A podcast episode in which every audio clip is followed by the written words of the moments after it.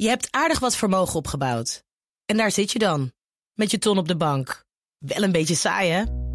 Wil jij, als belegger, onderdeel zijn van het verleden of van de toekomst? Bridgefund is een slimme fintech die een brug slaat tussen de financiële behoeften van ondernemers en van beleggers. Dus wie belegt bij Bridgefund krijgt niet alleen een mooie vaste rente, maar brengt ook ondernemers in beweging. Echt waar, met die ton kan je zoveel betere dingen doen. Bridgefund. Make money smile. De Perestroikast. Een blik op Oost-Europa.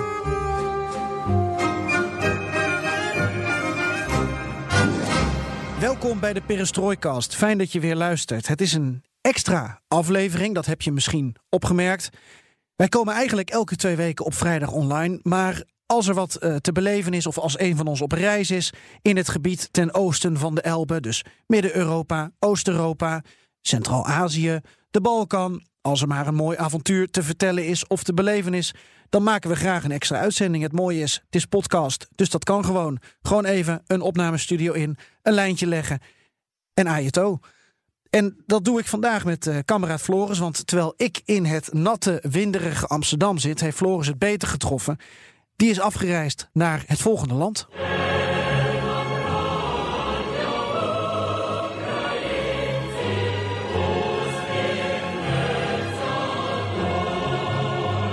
Floris zit dus in Oekraïne. En uh, de reden is dat daar uh, presidentsverkiezingen aan zitten te komen. En als het goed is, luistert Floris nu mee met mijn uh, betoog dat maar niet stopt. Dus laten we hem er maar bijhalen. Punt. Floris. Ik zit hier in, in Hartje, Odessa, de mythische stad aan de Zwarte Zee. Beroemd vanwege, zijn beroemd vanwege zijn literatuur.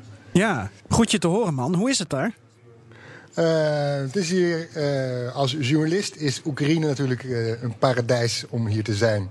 er gebeurt zoveel waar je over kan schrijven, is dat, dus, zodat ik eigenlijk tijd tekort kom om mensen te spreken en om alles op te snuiven en te ruiken. Oh jee.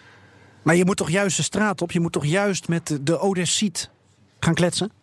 Ja, dan moeten we maar snel stoppen eigenlijk hè, met het gesprek.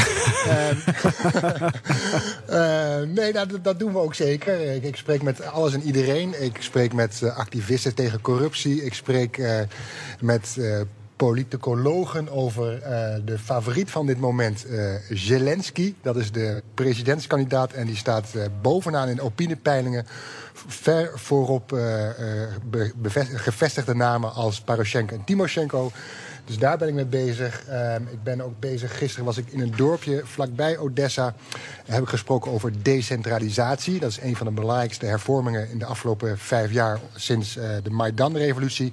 En dat houdt in dat er meer macht verschuift en meer geld verschuift van Kiev naar de lokale, naar de dorpen. Zodat die dorpen meer te zeggen hebben over het geld zelf en ook meer invloed kunnen uh, hebben over wat er met het geld gebeurt. Ja.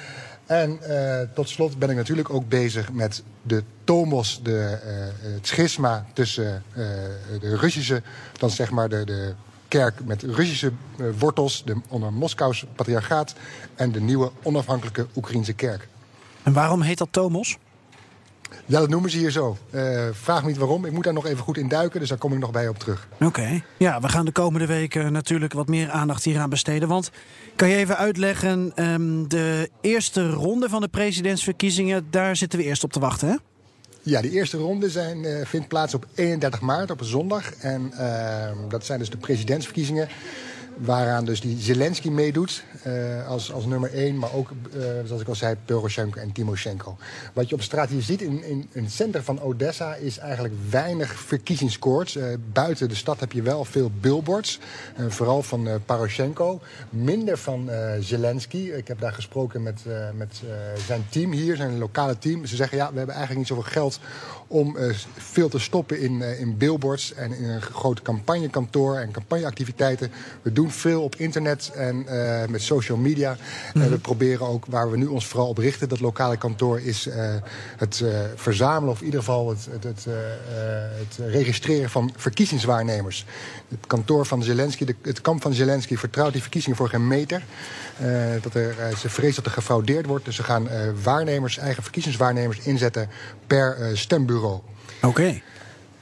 Die, die Zelensky, dat is uh, wel een interessante figuur om even over door te praten. Ik ben, ik ben ja. namelijk heel nieuwsgierig, want Ik heb zelf ook uh, een tijd in Oekraïne gezeten en heb dus uh, met name het tijdperk Timoshenko, toen ze ook nog in de gevangenis zat onder Janukovic. En Toen ook het tijdperk toen ze nog een vlecht had. en ook het tijdperk Poroshenko heb ik meegemaakt. Maar Zelensky, wat ik daarvan weet, is dat hij eigenlijk, maar corrigeer me als ik het fout heb, een een, ja, een vazal, een, eh, een volgeling is van Kolomoisky. Dat is die rijke man met baard. Ik denk de ene rijkste Oekraïner ehm, uit uh, Dnipropetrovsk.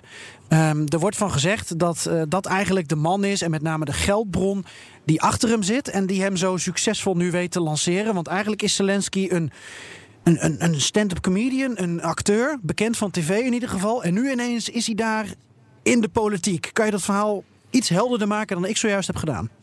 Ja, ik ga mijn best doen. maar je komt er een heel eind.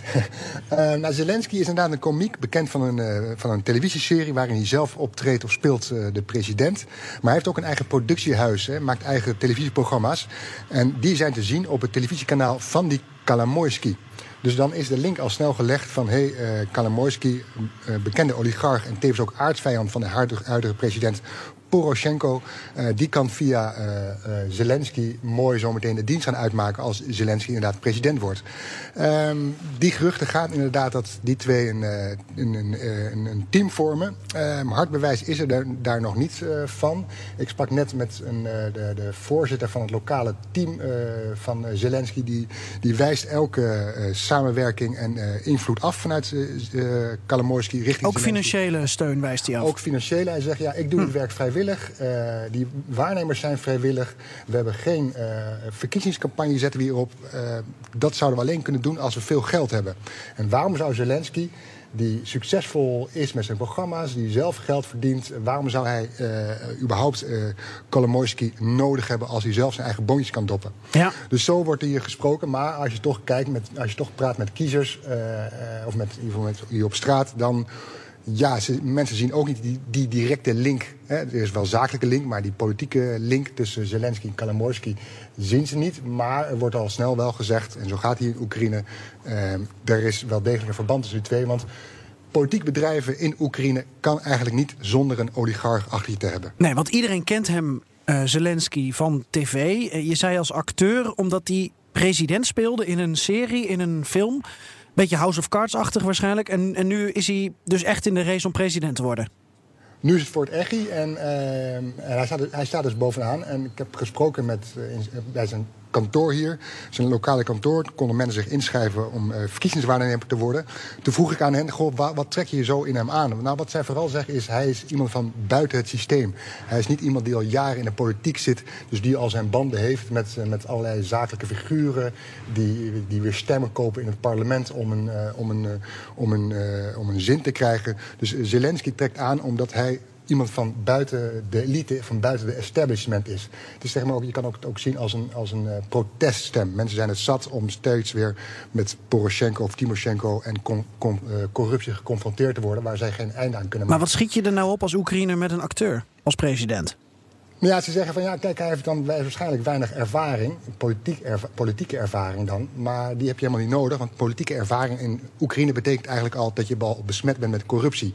Dus dan heb, kun je beter iemand hebben van buitenaf. Uh, dus dat is in, in zijn in voordeel, is in zijn, in, zijn, uh, in zijn geval een pre. Aan de andere kant heeft weinig voordeel of weinig uh, ervaring. Maar zegt ze ja, hij gaat een, een, een, een, een, een groot team om zich heen bouwen met allemaal specialisten die op elk thema een antwoord hebben. En natuurlijk zal hij fouten maken, zegt zijn kamp, maar uh, dat hoort erbij. Maar uh, hij is in ieder geval, gaat hij dat systeem van buitenaf, uh, gaat hij slopen. Dat corrupte systeem van oligarchen en clans die elkaar met de parlementariërs, die, elkaar, die in Oekraïne de dienst uitmaken. Ja.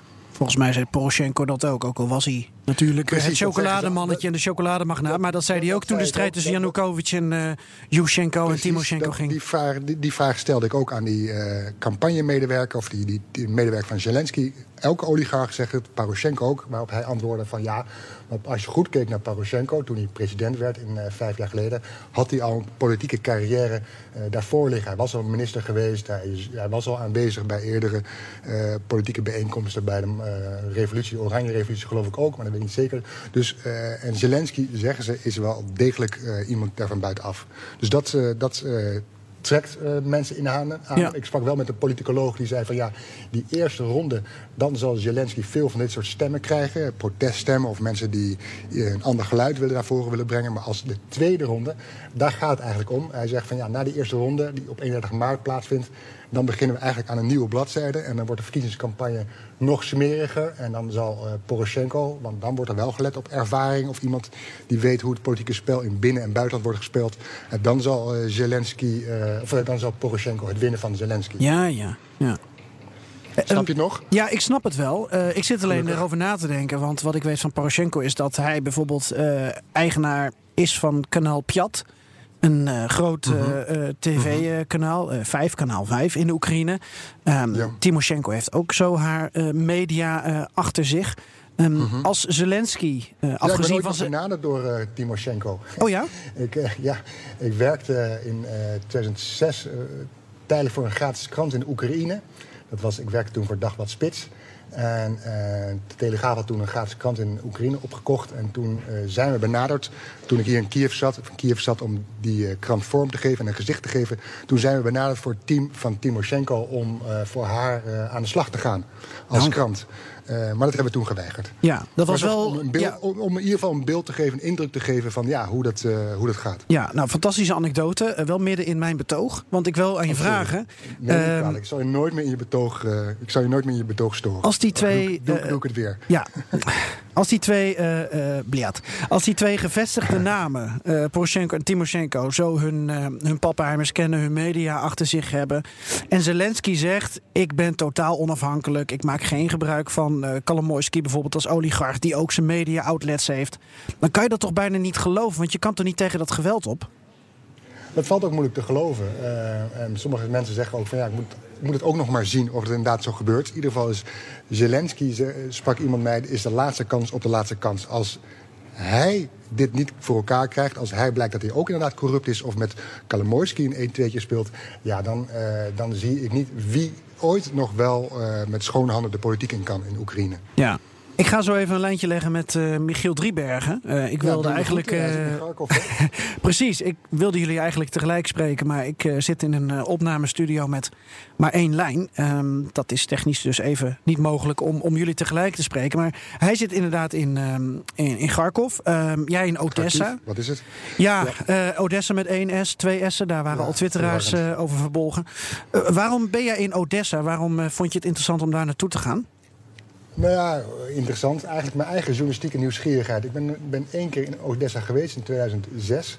Uh, dat is al een tijdje geleden. Ja, ik was gewoon benieuwd hoe, hoe hier uh, tegen bepaalde onderwerpen als die Tomos, het kerkelijk schisma en die decentralisatie en die Zelensky wordt tegen wordt aangekeken. Het is ook een, ook een gebied dat ook wel wordt gezien als pro-Russisch. Uh, dus dat is ook altijd wel spannend van hoe die verhoudingen hier liggen. Dus daarom Odessa. En mijn vrouw is mee. En die kan ik natuurlijk een mooie stad als Odessa graag aanbieden. Ja, aan de zee, Potjomkin uh, trappen. Dus, precies. Uh, er is veel te zien en te doen hier. Dus wat dat betreft kun je ook als toerist perfect in uh, Odessa je vermaken. Ja, hoe ligt het erbij? Want ik zag al op uh, jouw Twitter-account een paar foto's van... het centrum is prachtig, maar daarbuiten hebben ze het laten versloffen. Ja, nou, daarbuiten hebben ze laten versloffen. Daarbuiten is misschien het geld op, dat kan ook. Uh, nou ja, wat je ziet in het centrum staat heel mooi met allemaal luxe winkels. Uh, en, en, en, dikke auto's en veel seksclubs, viel me op. Uh, daarbuiten is het minder. maar ook, ik zit nu in een koffiebar iets buiten het centrum. Of dan niet een koffiebar, maar een, een co-working space. Dus ook buiten het centrum zijn er wel degelijk uh, mooie adressen. Maar Nou ja. zie je ook uh, meer zwervers op straat. En zijn de straten en de stoepen zijn meer vervallen. En de ik, huizen ook. Ik zit me nu nog af te vragen. Uh, want Kolomoisky is, ehm, laten we zeggen, de oligarch uit uh, Dnipropetrovsk. Poroshenko is de man van Vinnytsia, van West-Oekraïne. Mm -hmm. Dan mm -hmm. heb je Ahmed, of eigenlijk van, mm -hmm. van Donetsk, van de Donbass. Van ja. heeft Odessa eigenlijk ook zo zijn eigen lokale weldoener? Ja, hier, hier is, is, is de, de burgemeester, de, de grote sterke man. Die Wie is dat? Is ook een keer, uh, ja, zijn naam uh, is me even ontschoten. Okay. In ieder geval, uh, ik google wel even mee hoor, dan zoek ik ja, even. Praat jij even de tijd vol? Hij is, ja, hij is in ieder geval opgedoken in de Panama Papers. oh. Zo corrupt als een neten, zeggen ze hier. Hij schijnt het met een 1-2'tje te hebben gegooid, ook met Poroshenko's, dat de clan, de Poroshenko-team eh, eh, zich niet bemoeit met zaken hier in en rond Odessa. Odessa is, zei iemand tegen mij, een, een zoete cake. Eh, omdat eh, qua corruptie, qua rijkdom, qua verrijking. Want je hebt hier de haven, je hebt hier handel, je hebt hier toerisme, je hebt hier de grens. Dat zijn natuurlijk allemaal interessante eh, eh, bronnen om geld aan te verdienen. Corrupt, hè. je kan hotels bouwen, je kan vastgoed kun je aan verrijken. Ja. Eh, je kan met de handel kun je allerlei eh, schema's kun je bedenken om, om geld te verdienen. Eh Ja, Gennady. Truganov. Juist, je haalt de woorden uit de mond. Dus die burgemeester heeft hier gewoon, dat is gewoon zijn, zijn, zijn gebied. En Ja. eh, andere oligarchen, ik sprak met zo'n activist of zo'n bestrijder van corruptie, die hebben zeg maar Oekraïne verdeeld van jij hebt die regio, Poroshenko die regio en die burgemeester heeft de regio eh, eh, Odessa. Oh ja, oké. Nou, dat kan ik zo even aan... En op zijn beurt zet die burgemeester zich dan ook in voor Poroshenko's, Poroshenko's verkiezingscampagne. Ja, ja. Nou, Zo, eh, interessant jongen. zo gaat het hier. Goed gedaan Ja. zeg. Leuk om je even te spreken op deze manier. Ik, ik moet snel even naar Michiel toe, want die, eh, die eh, zit vanuit eh Kharkiv, Kharkov natuurlijk ook te wachten. valt Die niet te heeft, proberen om met z'n drieën. Nee, hè? dat valt echt niet te proberen. Nee, ja, ik heb maar één lijn jongen, dus dat, dat lukt gewoon niet. Ah, jammer, jammer, Helaas. jammer. Dus, dat gaat ehm, zijn stem en zijn verhaal willen horen. Wat ga je vandaag doen? Ehm, ik ga zo nog even met een politicoloog ga ik aan de slag. Nou, niet aan de slag. Ik ga zo nog even met een interview. Hmm. Daarna moet ik even mijn eerste stuk tikken. Oké. En denk aan je Voor vrouw, het hè? Reformatorisch Dagblad. Vermaak je vrouw. Ja, we gaan morgenavond naar het theater. Oh. Een prachtige opera heb je hier. Hè? De beroemde, een van de grootste operagebouwen eh, van Europa. En ja, dat is natuurlijk een, eh, een moet je gezien hebben. Een genot. Zeker. Одна в моїй кімнаті нема куди тікати, і їй напевно не поможуть навіть танки і гармати. Моя маленька незалежність. Michiel, ik heb net, eh, ik heb net Floris gesproken. Ja, En eh, die zit in Odessa. En ik dacht dat jij in Kharkiv, Kharkov zat. ja, daar zat ik, ja. Maar nu ben ik weer terug in Kiev. Je bent nu weer in Kiev. Oké. Ja, ja. Wat eh, heb je gedaan afgelopen week? Nou, ik ben eh, vooral bezig geweest om eh, eh, te proberen naar het frontgebied te komen. Maar ik heb nog geen accreditatie. Die is overigens net binnengekomen. Dus nu zou ik weer terug kunnen gaan. Maar ik heb nu ook weer andere dingen te doen. Dus dat was een, een- praktisch ding. En voor de rest ja, ben ik aan het proberen om, om te kijken hoe het met de verkiezingen staat. Hoe ze in het oosten denken over de verkiezingen. Daarop vooruit eh, blikken. Eh, ja, en heb ik wat mensen gesproken over allerlei andere onderwerpen die ondertussen ook gewoon eh, in, eh, in Oekraïne doorgaan. Over architectuur en zo, hè, dat soort dingen. Oh, architectuur Ja. gaat ook door in Oekraïne. Ja, dat gaat ook door in Oekraïne. Kharkov is een, is een stad vol prachtige architectuur. Dus niet alleen de, de Sovjet-architectuur, maar dan op een hele mooie manier. Modernisme noemen ze het. Maar er is ook de architectuur van Beketov, een beroemde architect, 100 jaar geleden. Eh, prachtige torentjes, eh erkertjes. Eh, ik ben niet, helemaal geen architectuurkenner, dat hoor je nu eigenlijk al wel een beetje. Je doet je best. ik doe mijn best. En ik wilde eigenlijk ook over, voor schrijven voor de, oh, ja, over schrijven voor de krant. Alleen heb ik nog geen idee of de krant erop zit te wachten. Maar ze weten er nog niet zoveel van. Dus dat, Oh. dat is nog geheim. Ja. Ehm, en dat, misschien toch goed om even uit te leggen eh, hoe dat nou werkt met eh, een accreditatie voor het front. Want in principe is het Oost-Oekraïne, dat is het betwiste gebied naast de Krim. Maar in principe is de Krim geannexeerd en Oost-Oekraïne eh, niet. Daar zitten wat delen van, die hebben zichzelf losverklaard. Maar toch heb je een accreditatie nodig voor het front. Ja, ik heb er zelf ook wel Ja. eens een keer een gehaald, maar dat kon dan wel aan het front. Maar jij wordt teruggestuurd. Het is natuurlijk bizar dat je überhaupt accreditatie nodig hebt om ergens heen te reizen in een land waar vijf jaar geleden oorlog iets totaal ondenkbaars was. Maar ja, die oorlog die nadert nu inderdaad het vijfde jaar. eh, en aan de kant, eh, ik blijf dan aan de kant van, eh, van Oekraïne, laten we zeggen. Dus aan de van de, de niet zichzelf afgesplitste republiekjes. Waar moet ik dan aan Maar denken? dan- Richting, je gaat richting Kramatorsk, Slavjansk en, dan, en Artyomovsk. En daar wil je dan de, de, de grens tussen haakjes dan over? Nee, ik wil de grens niet over. Ik blijf, ik zal aan deze kant blijven. Maar er is een soort grijze zone. Een soort tussen de twee fronten in zone. Die bestaat. Er wonen ook mensen. Eh, maar er is ook een kant waar Oekraïne het wel voor het zeggen heeft. Maar waar, wat wel echt oorlogsgebied is. Dus daar vallen af en toe hè, mortieren neer of granaten. Eh, er wordt af en toe geschoten, s'nachts met name. En ook voor dat gebied moet je dus een toestemming hebben van het Oekraïense leger om daar te komen. Om met soldaten te kunnen spreken of met de vele mensen te kunnen spreken die daar, eh, die daar wonen. Dus je moet een soort toestemming hebben om daar te zijn. Want het is natuurlijk een gevoelig gebied, ook een informatiegevoelig gebied. Dus ze willen eigenlijk geen pottenkijkers. Het Oekraïense leger ook eigenlijk niet. Dus daar doen ze dan een beetje wat langer over dan gewend. En, uh, en ze zeuren er een beetje over. Uiteindelijk lukt het altijd. Uh, nu helaas iets later, maar goed, dan ga ik over een week of twee uh, gewoon nog een keertje. En welk dorp of welke stad wilde je naartoe? Ik wilde heel graag naar een plaats waar ik veel geweest ben. Toretsk heet dat. Uh, een, een, een, plaats waar ook mijnen zijn. dus oorlogsmijnen, maar ook mijnen waar ze onder de grond naar kolen graven. Waarom wil een mens daarheen? Nou, omdat ik, omdat ik ja, omdat, ik, omdat er heel veel mensen wonen. En Ja. omdat het dus niet alleen soldaten zijn, maar ook mensen die elke dag te maken hebben eh, met die oorlog. En dat al vijf jaar lang. Eh, en daar op een, op bepaalde eh ja, navrante manier aan gewend zijn. Eh, maar die verhalen zijn heel erg bijzonder, omdat het ook verhalen zijn over moed. Hè? Want je, je, moet een bepaalde moed hebben om daar te kunnen blijven. Of verhalen over, ja, ze kunnen niet weg, want waar, waar zouden ze in vredesnaam heen moeten? Ze hebben geen geld om te gaan verhuizen. Het zijn tragische verhalen en het zijn verhalen waarvan ik denk als journalist, als ik in Oekraïne werk, dan moet ik die verhalen maken. Hoewel ik eigenlijk nooit heb besloten om in een oorlogsgebied te gaan werken, maar daar ben ik dan min of meer ingerold. Ja, het land heeft dat Eh, omdat besloten er- om in oorlog te raken. Ja, zeker. En zelfs het land zelf heeft dat niet eens besloten. Het is een, het is een, een soort. Het is echt mensen overkomen. En, eh, en ja, dat, dat, ik denk ook juist omdat het een frontgebied is waar zoveel mensen wonen, waar zoveel fabrieken staan, waar bedrijven eh, moesten draaien. Eh, ja, en- en- en er heel veel kinderen wonen, waar scholen gewoon eigenlijk nog functioneren. Ja. Vind ik dat dat verhaal verteld moet worden.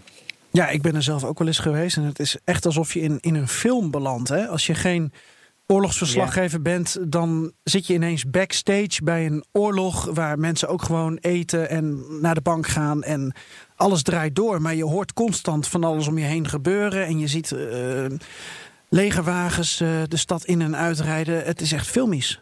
Ja, en voor jou, Geert-Jan, is dat natuurlijk ook bijzonder. Want jij zat hier ook in de tijd voor die oorlog. Eh, ja, weet je, Ja. had je dat ooit kunnen indenken dat er zoiets aan de Nou, hand ik, zou ik zat er nog aan te denken afgelopen week dat ik in het eh, voetbalstadion van eh Shakhtar Donetsk ben geweest in aanloop naar het EK voetbal en dat ik werd rondgeleid door Patrick van Leeuwen, een Nederlander die daar werkte bij de jeugdacademie.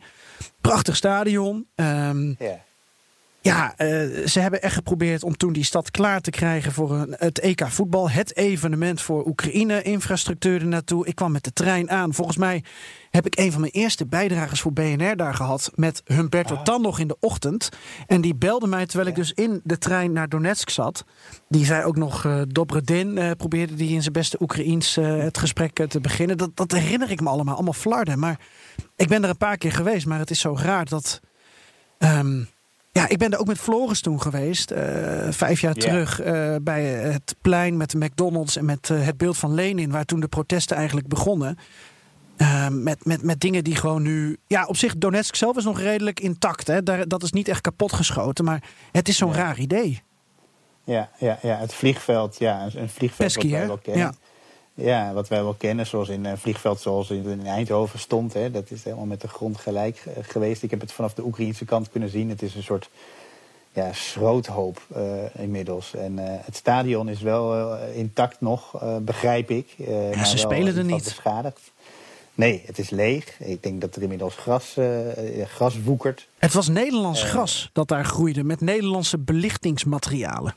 Ah, kijk. Ja, het modernste van het modernste. Ja, dat- Gebouwd voor, of tenminste eh, gerestaureerd, denk ik. Of gerenoveerd voor het EK Ja, voetbal. en Björn 2010. Kuipers eh, floot daar nog de halve finale volgens mij.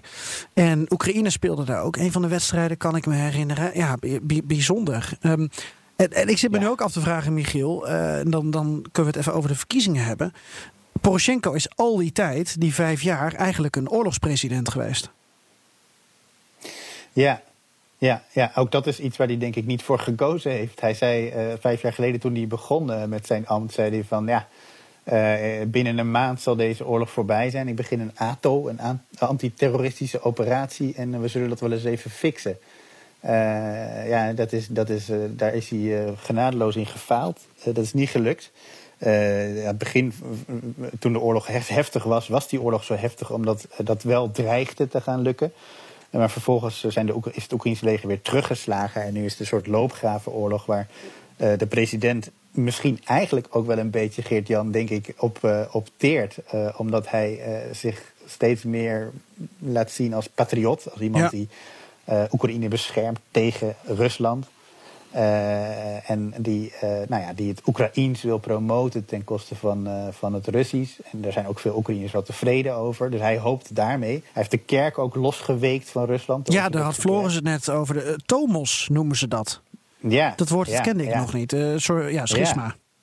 Precies, precies. En, en, en die Tomos is nu in, in, in Kiev inmiddels sinds een paar maanden. En Poroshenko is echt de voorloper geweest in dat proces. Heeft met de, de patriarch van Constantinopel uh, het op een uh, nou ja, akkoordje gegooid. En dat is dus gewoon gelukt. Uh, dus daar kan hij ook wel op bogen. de vraag is ja, of dat genoeg is voor een, voor een overwinning en voor een tweede ronde. Ik geloof dat het nog maar één keer gelukt is. Kuchma in 1999 om, de tweede, of om, ja, om, om, om voor de tweede keer president te worden. Dus voor de rest. de oude Leonid Kuchma, ja. Ik zit me ook af te vragen dan hoe um, in de gebieden waar jij uh, komt of bent geweest. Nou, weet je, jij zit veel in West-Oekraïne uh, en, en in Kiev en dan nu ben je in, in Kharkov geweest. Uh, Kharkov is um, wat meer ja, pro-Russisch. Dat is voor mensen soms moeilijk uit te leggen hè, wat nou pro-Russisch is. Maar in ieder ja. geval, ze zijn minder nationalistisch dan in het Westen. Maar ja. ze zijn autonoom, maar niet losgeweken zoals uh, Donetsk, uh, Lugansk.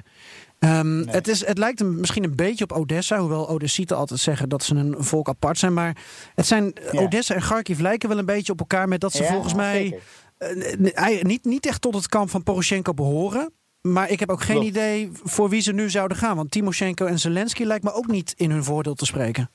Ja, Kharkov is, is niet zozeer pro-Russisch in de zin van dat ze dat, ze, dat, er, dat je er fans van Poetin tegenkomt. Niet in die zin. Het is wel zo dat ze zichzelf heel erg zien als inderdaad autonome stad, uh, wat je zegt, maar ook als stad waar, ja, waar Oost en West altijd mee moeten handelen. Uh, hè? Dus ook de, de Russen zouden daarmee moeten handelen. Er zijn ongelooflijk veel banden, ligt op 30 kilometer van Rusland af. Ja, Belgorod, uh, geloof ik. Ja, precies, precies. Dat grote Russische stad. Ja. Het, is, het is natuurlijk voor zo'n grote stad. Ik geloof dat er bijna 2 miljoen mensen wonen. De tweede stad van Oekraïne is het een ramp om, om niet meer te kunnen zaken doen met Rusland. En, en daarin uitzicht vooral, denk ik, uh, ja, dat, uh, dat, dat meer op Rusland gerichte, veel meer natuurlijk dan West-Oekraïne, die veel meer met Polen hebben, hè, geschiedkundig ook gezien.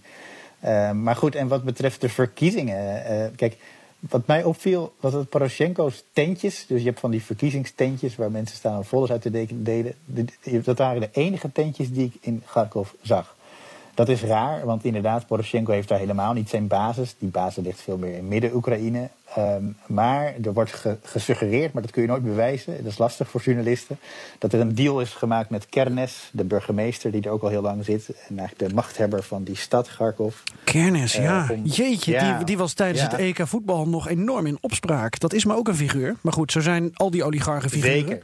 Ja, zeker, zeker, zeker. Maar ja, er wordt nu gesuggereerd dat hij dus een deal heeft gesloten, deze machtige man. Met man, ik heb hem nog wel eens gesproken. Dat kleine kale mannetje met die bril. Ja, dat mag ik niet zeggen, want ja. dan heb ik gelijk uh, uh, 2 miljoen ja. mensen van Garkov op mijn dak. Maar... Ja, ja, ja, het is een machtige, een machtige man. Uh, hoewel hij dus in allerlei mafioze kringen zou hebben verkeerd. Ook inderdaad toen al. En hij is uh, beschoten een aantal jaar geleden. En dat is, was het, ja. Uh, dus aan zijn rolstoel gebonden. Maar hij maakt nog steeds uh, achter de schermen de dienst uit. Is ook nog steeds burgemeester. Dus ook nog steeds een beetje het gezicht van de stad. En als Poroshenko met hem een deal sluit, ja, dan, dan kan Poroshenko daar natuurlijk zijn gang gaan qua campagne voeren. Uh, en dat wordt in, in elk geval nu gesuggereerd. Dus dat was misschien de verklaring dat ik daar vooral veel Poroshenko heb gezien. Uh, ja. Hoewel die nog maar derde staat in de peilingen. Het is ook dus, eigenlijk geen partijpolitiek hè, wat, wat in Oekraïne de klok slaat. Nee. Het is, dat was al weinig, maar nu is het helemaal. Het draait alleen maar om figuren. Ja, dus, en dat is ook heel vreemd. En ook lastig voor journalisten, omdat je dus. Uh, je kunt bijvoorbeeld niet naar partij, partijbijeenkomsten gaan. Je kunt niet zeggen, nou, er is vanavond hier in het buurthuis een de partijbijeenkomst waar uh, de leden stemmen over een bepaald voorstel. Ja, dat, dat, is hier helemaal niet. De campagne wordt heel erg op straat dus, gevoerd en ook op, vooral op de nationale televisie. En alle televisie, televisiestations die zijn dan weer in handen van een bepaalde ja, rijke zakenman die dan daar de boel bepaalt ook bepaalt waar het nieuws over gaat. En dat is natuurlijk vooral positief tegenover hem. Uh, uh, dus ja, dat, zo werkt dat in Oekraïne en zo zal het voorlopig goed nog wel blijven werken. Uh, dat maakt het ook lastig ja, te voorspellen wat straks de resultaten zullen zijn. Ja, waar kijk jij nou naar met je verkiezingsbril? Want Oekraïne is niet vreemd voor jou, maar het is toch wel weer spannend. presidentsverkiezingen, na vijf jaar misschien een wisseling van de macht. Floris heeft net best wel veel verteld over Zelensky. jij zit dus meer ook noodgedwongen op het terrein van Poroshenko. Waar let je nou op? Ja, ik ben aan het evalueren. Dat doe ik ook voor de krant Trouw. Uh, aan het evalueren wat Poroshenko nou heeft bereikt en wat hij niet heeft bereikt. Dus daar ben ik heel erg veel mee bezig. En hoe ver ben je in die evaluatie? Nou, een aardig eindje op streek. Ik denk dat dat patriotisme door veel Oekraïners wel wordt gewaardeerd. Hè. De taal, wat ik al zei, de kerk, het losmaken van de kerk uh, van Rusland. Um, maar um, wat je ook veel hoort, uh, mensen zijn echt ziek van die, van die corruptie. Dat waren ze al en dat zijn ze nu nog meer. En dat zijn denk ik de stemmers die vooral neigen naar Zelensky. Uh, er is een andere uh, cohort aan mensen die zeggen... ja, vooral economisch heeft hij gefaald. met name de energierekeningen zijn enorm gestegen. Uh, en dat zijn mensen die, die ook ja, helemaal niet meer geloven in Poroshenko. En die meer neigen misschien dan toch maar in vredesnaam naar uh, Timoshenko, Julia Timoshenko. Mijn hemel. Die, uh, ja, die zegt van nou, ik ga, als ik verkozen word, ga ik, ga ik de IMF eisen. Want dat is een van de redenen waarom die energiekosten zo zijn gestegen. Ga ik gewoon opzeggen. Dus ik ga gewoon zorgen dat jullie gas, elektriciteitsrekening weer lager wordt. Uh, en zij heeft vooral haar basis in de wat meer de provincie, provincie uh, dus in de dorpen. Ja. Uh, en nou ja, dat zou, ook, dat zou ook kunnen werken. Dus vooral economisch gaan mensen natuurlijk ook kijken van wat zou voor mij het beste uitkomen. Maar ik moet in het algemeen zeggen dat het geloof in de algehele politiek niet vreselijk, niet vreselijk groot is. Maar dat is, ja, dat is wat te verwachten na zoveel tijd. Ik moet wel zeggen dat er veel mensen gaan stemmen. Uh, ik, heb de idee, ik heb het idee dat veel mensen er wel mee bezig zijn. Dat er over gediscussieerd wordt onderling, ook wel op straat en zo. En uh, de, de opkomstpercentages die worden verwacht, dus gaan ook boven de 80 procent. Zo. Dat zijn dat toch opmerkelijk veel. Uh, Zeker. Ik was, ik was in Moldavië onlangs, ik had dat niet eens de 50 procent. En ja. dus men is hier dus op een bepaalde manier ook wel weer politiek betrokken. Oké, okay. nou laten we met die positieve noot dan, dan afsluiten. Michiel, want dan houden we nog wat over voor de volgende keer. Want het, uh, het belooft wel spannend te worden. Maar dan moeten we net als in een soort uh, soap, want dat is eigenlijk de Oekraïnse politiek, moeten we het niet in één aflevering allemaal behandelen. Zeker. Wat is je plan? Wat ga je vandaag doen? Uh, vandaag ga ik met de trein naar. Uh, vanavond alweer met de trein naar het westen van Oekraïne. Daar een beetje mijn basis, Lviv. En, en, en daar wil ik ook nog praten met mensen over. Uh, Poroshenko. En daar zijn ze met name tevreden over wat ik al zei, over die, de, de, de, stappen om de kerk los te maken en de taal te versterken. Um, dus daar moet ik ook nog eens even kijken. Ja. Oost, Midden en West heb ik dan gehad. Oké. Okay. Je krijgt de groeten van Floris. Dank. Doe de groeten terug als je hem weer ziet. Ja, en dat was hem alweer, deze extra perestrooikast met onze kameraden Floris en Michiel vanuit Oekraïne in aanloop naar de presidentsverkiezingen. We zijn te vinden op Twitter, Perestrooikast. En we zijn best wel actief en sociaal en democratisch. En je kan ons ook benaderen via de e-mail perestrooikast.bnr.nl. Joost Bosman, die moet je even missen. Onze barman uit Moskou, die is uh, op vakantie. Die zit in Vlissingen. Joost, als je luistert, alle goeds daar, waai niet weg. De volgende keer uh, hoor je weer andere zaken over uh, Bosnië, Roemenië, Oezbekistan, Letland. We hebben nog een heleboel te bespreken in deze perestrooikast. Ook volgende week trouwens over Rusland en Michael Kelvy en over de Russische economie. Dus blijf zeker terugkomen op ons kanaal als je daar meer van wilt weten. En wij zeggen paka, ajeto.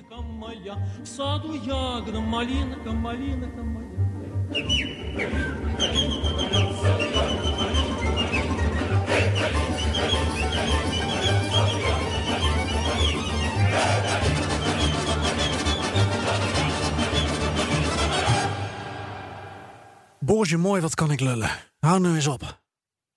Je hebt aardig wat vermogen opgebouwd. En daar zit je dan, met je ton op de bank. Wel een beetje saai, hè? Wil jij, als belegger, onderdeel zijn van het verleden of van de toekomst? Bridgefund is een slimme fintech die een brug slaat tussen de financiële behoeften van ondernemers en van beleggers. Dus wie belegt bij Bridgefund krijgt niet alleen een mooie vaste rente, maar brengt ook ondernemers in beweging. Echt waar, met die ton kan je zoveel betere dingen doen. Bridgefund. Make money smile.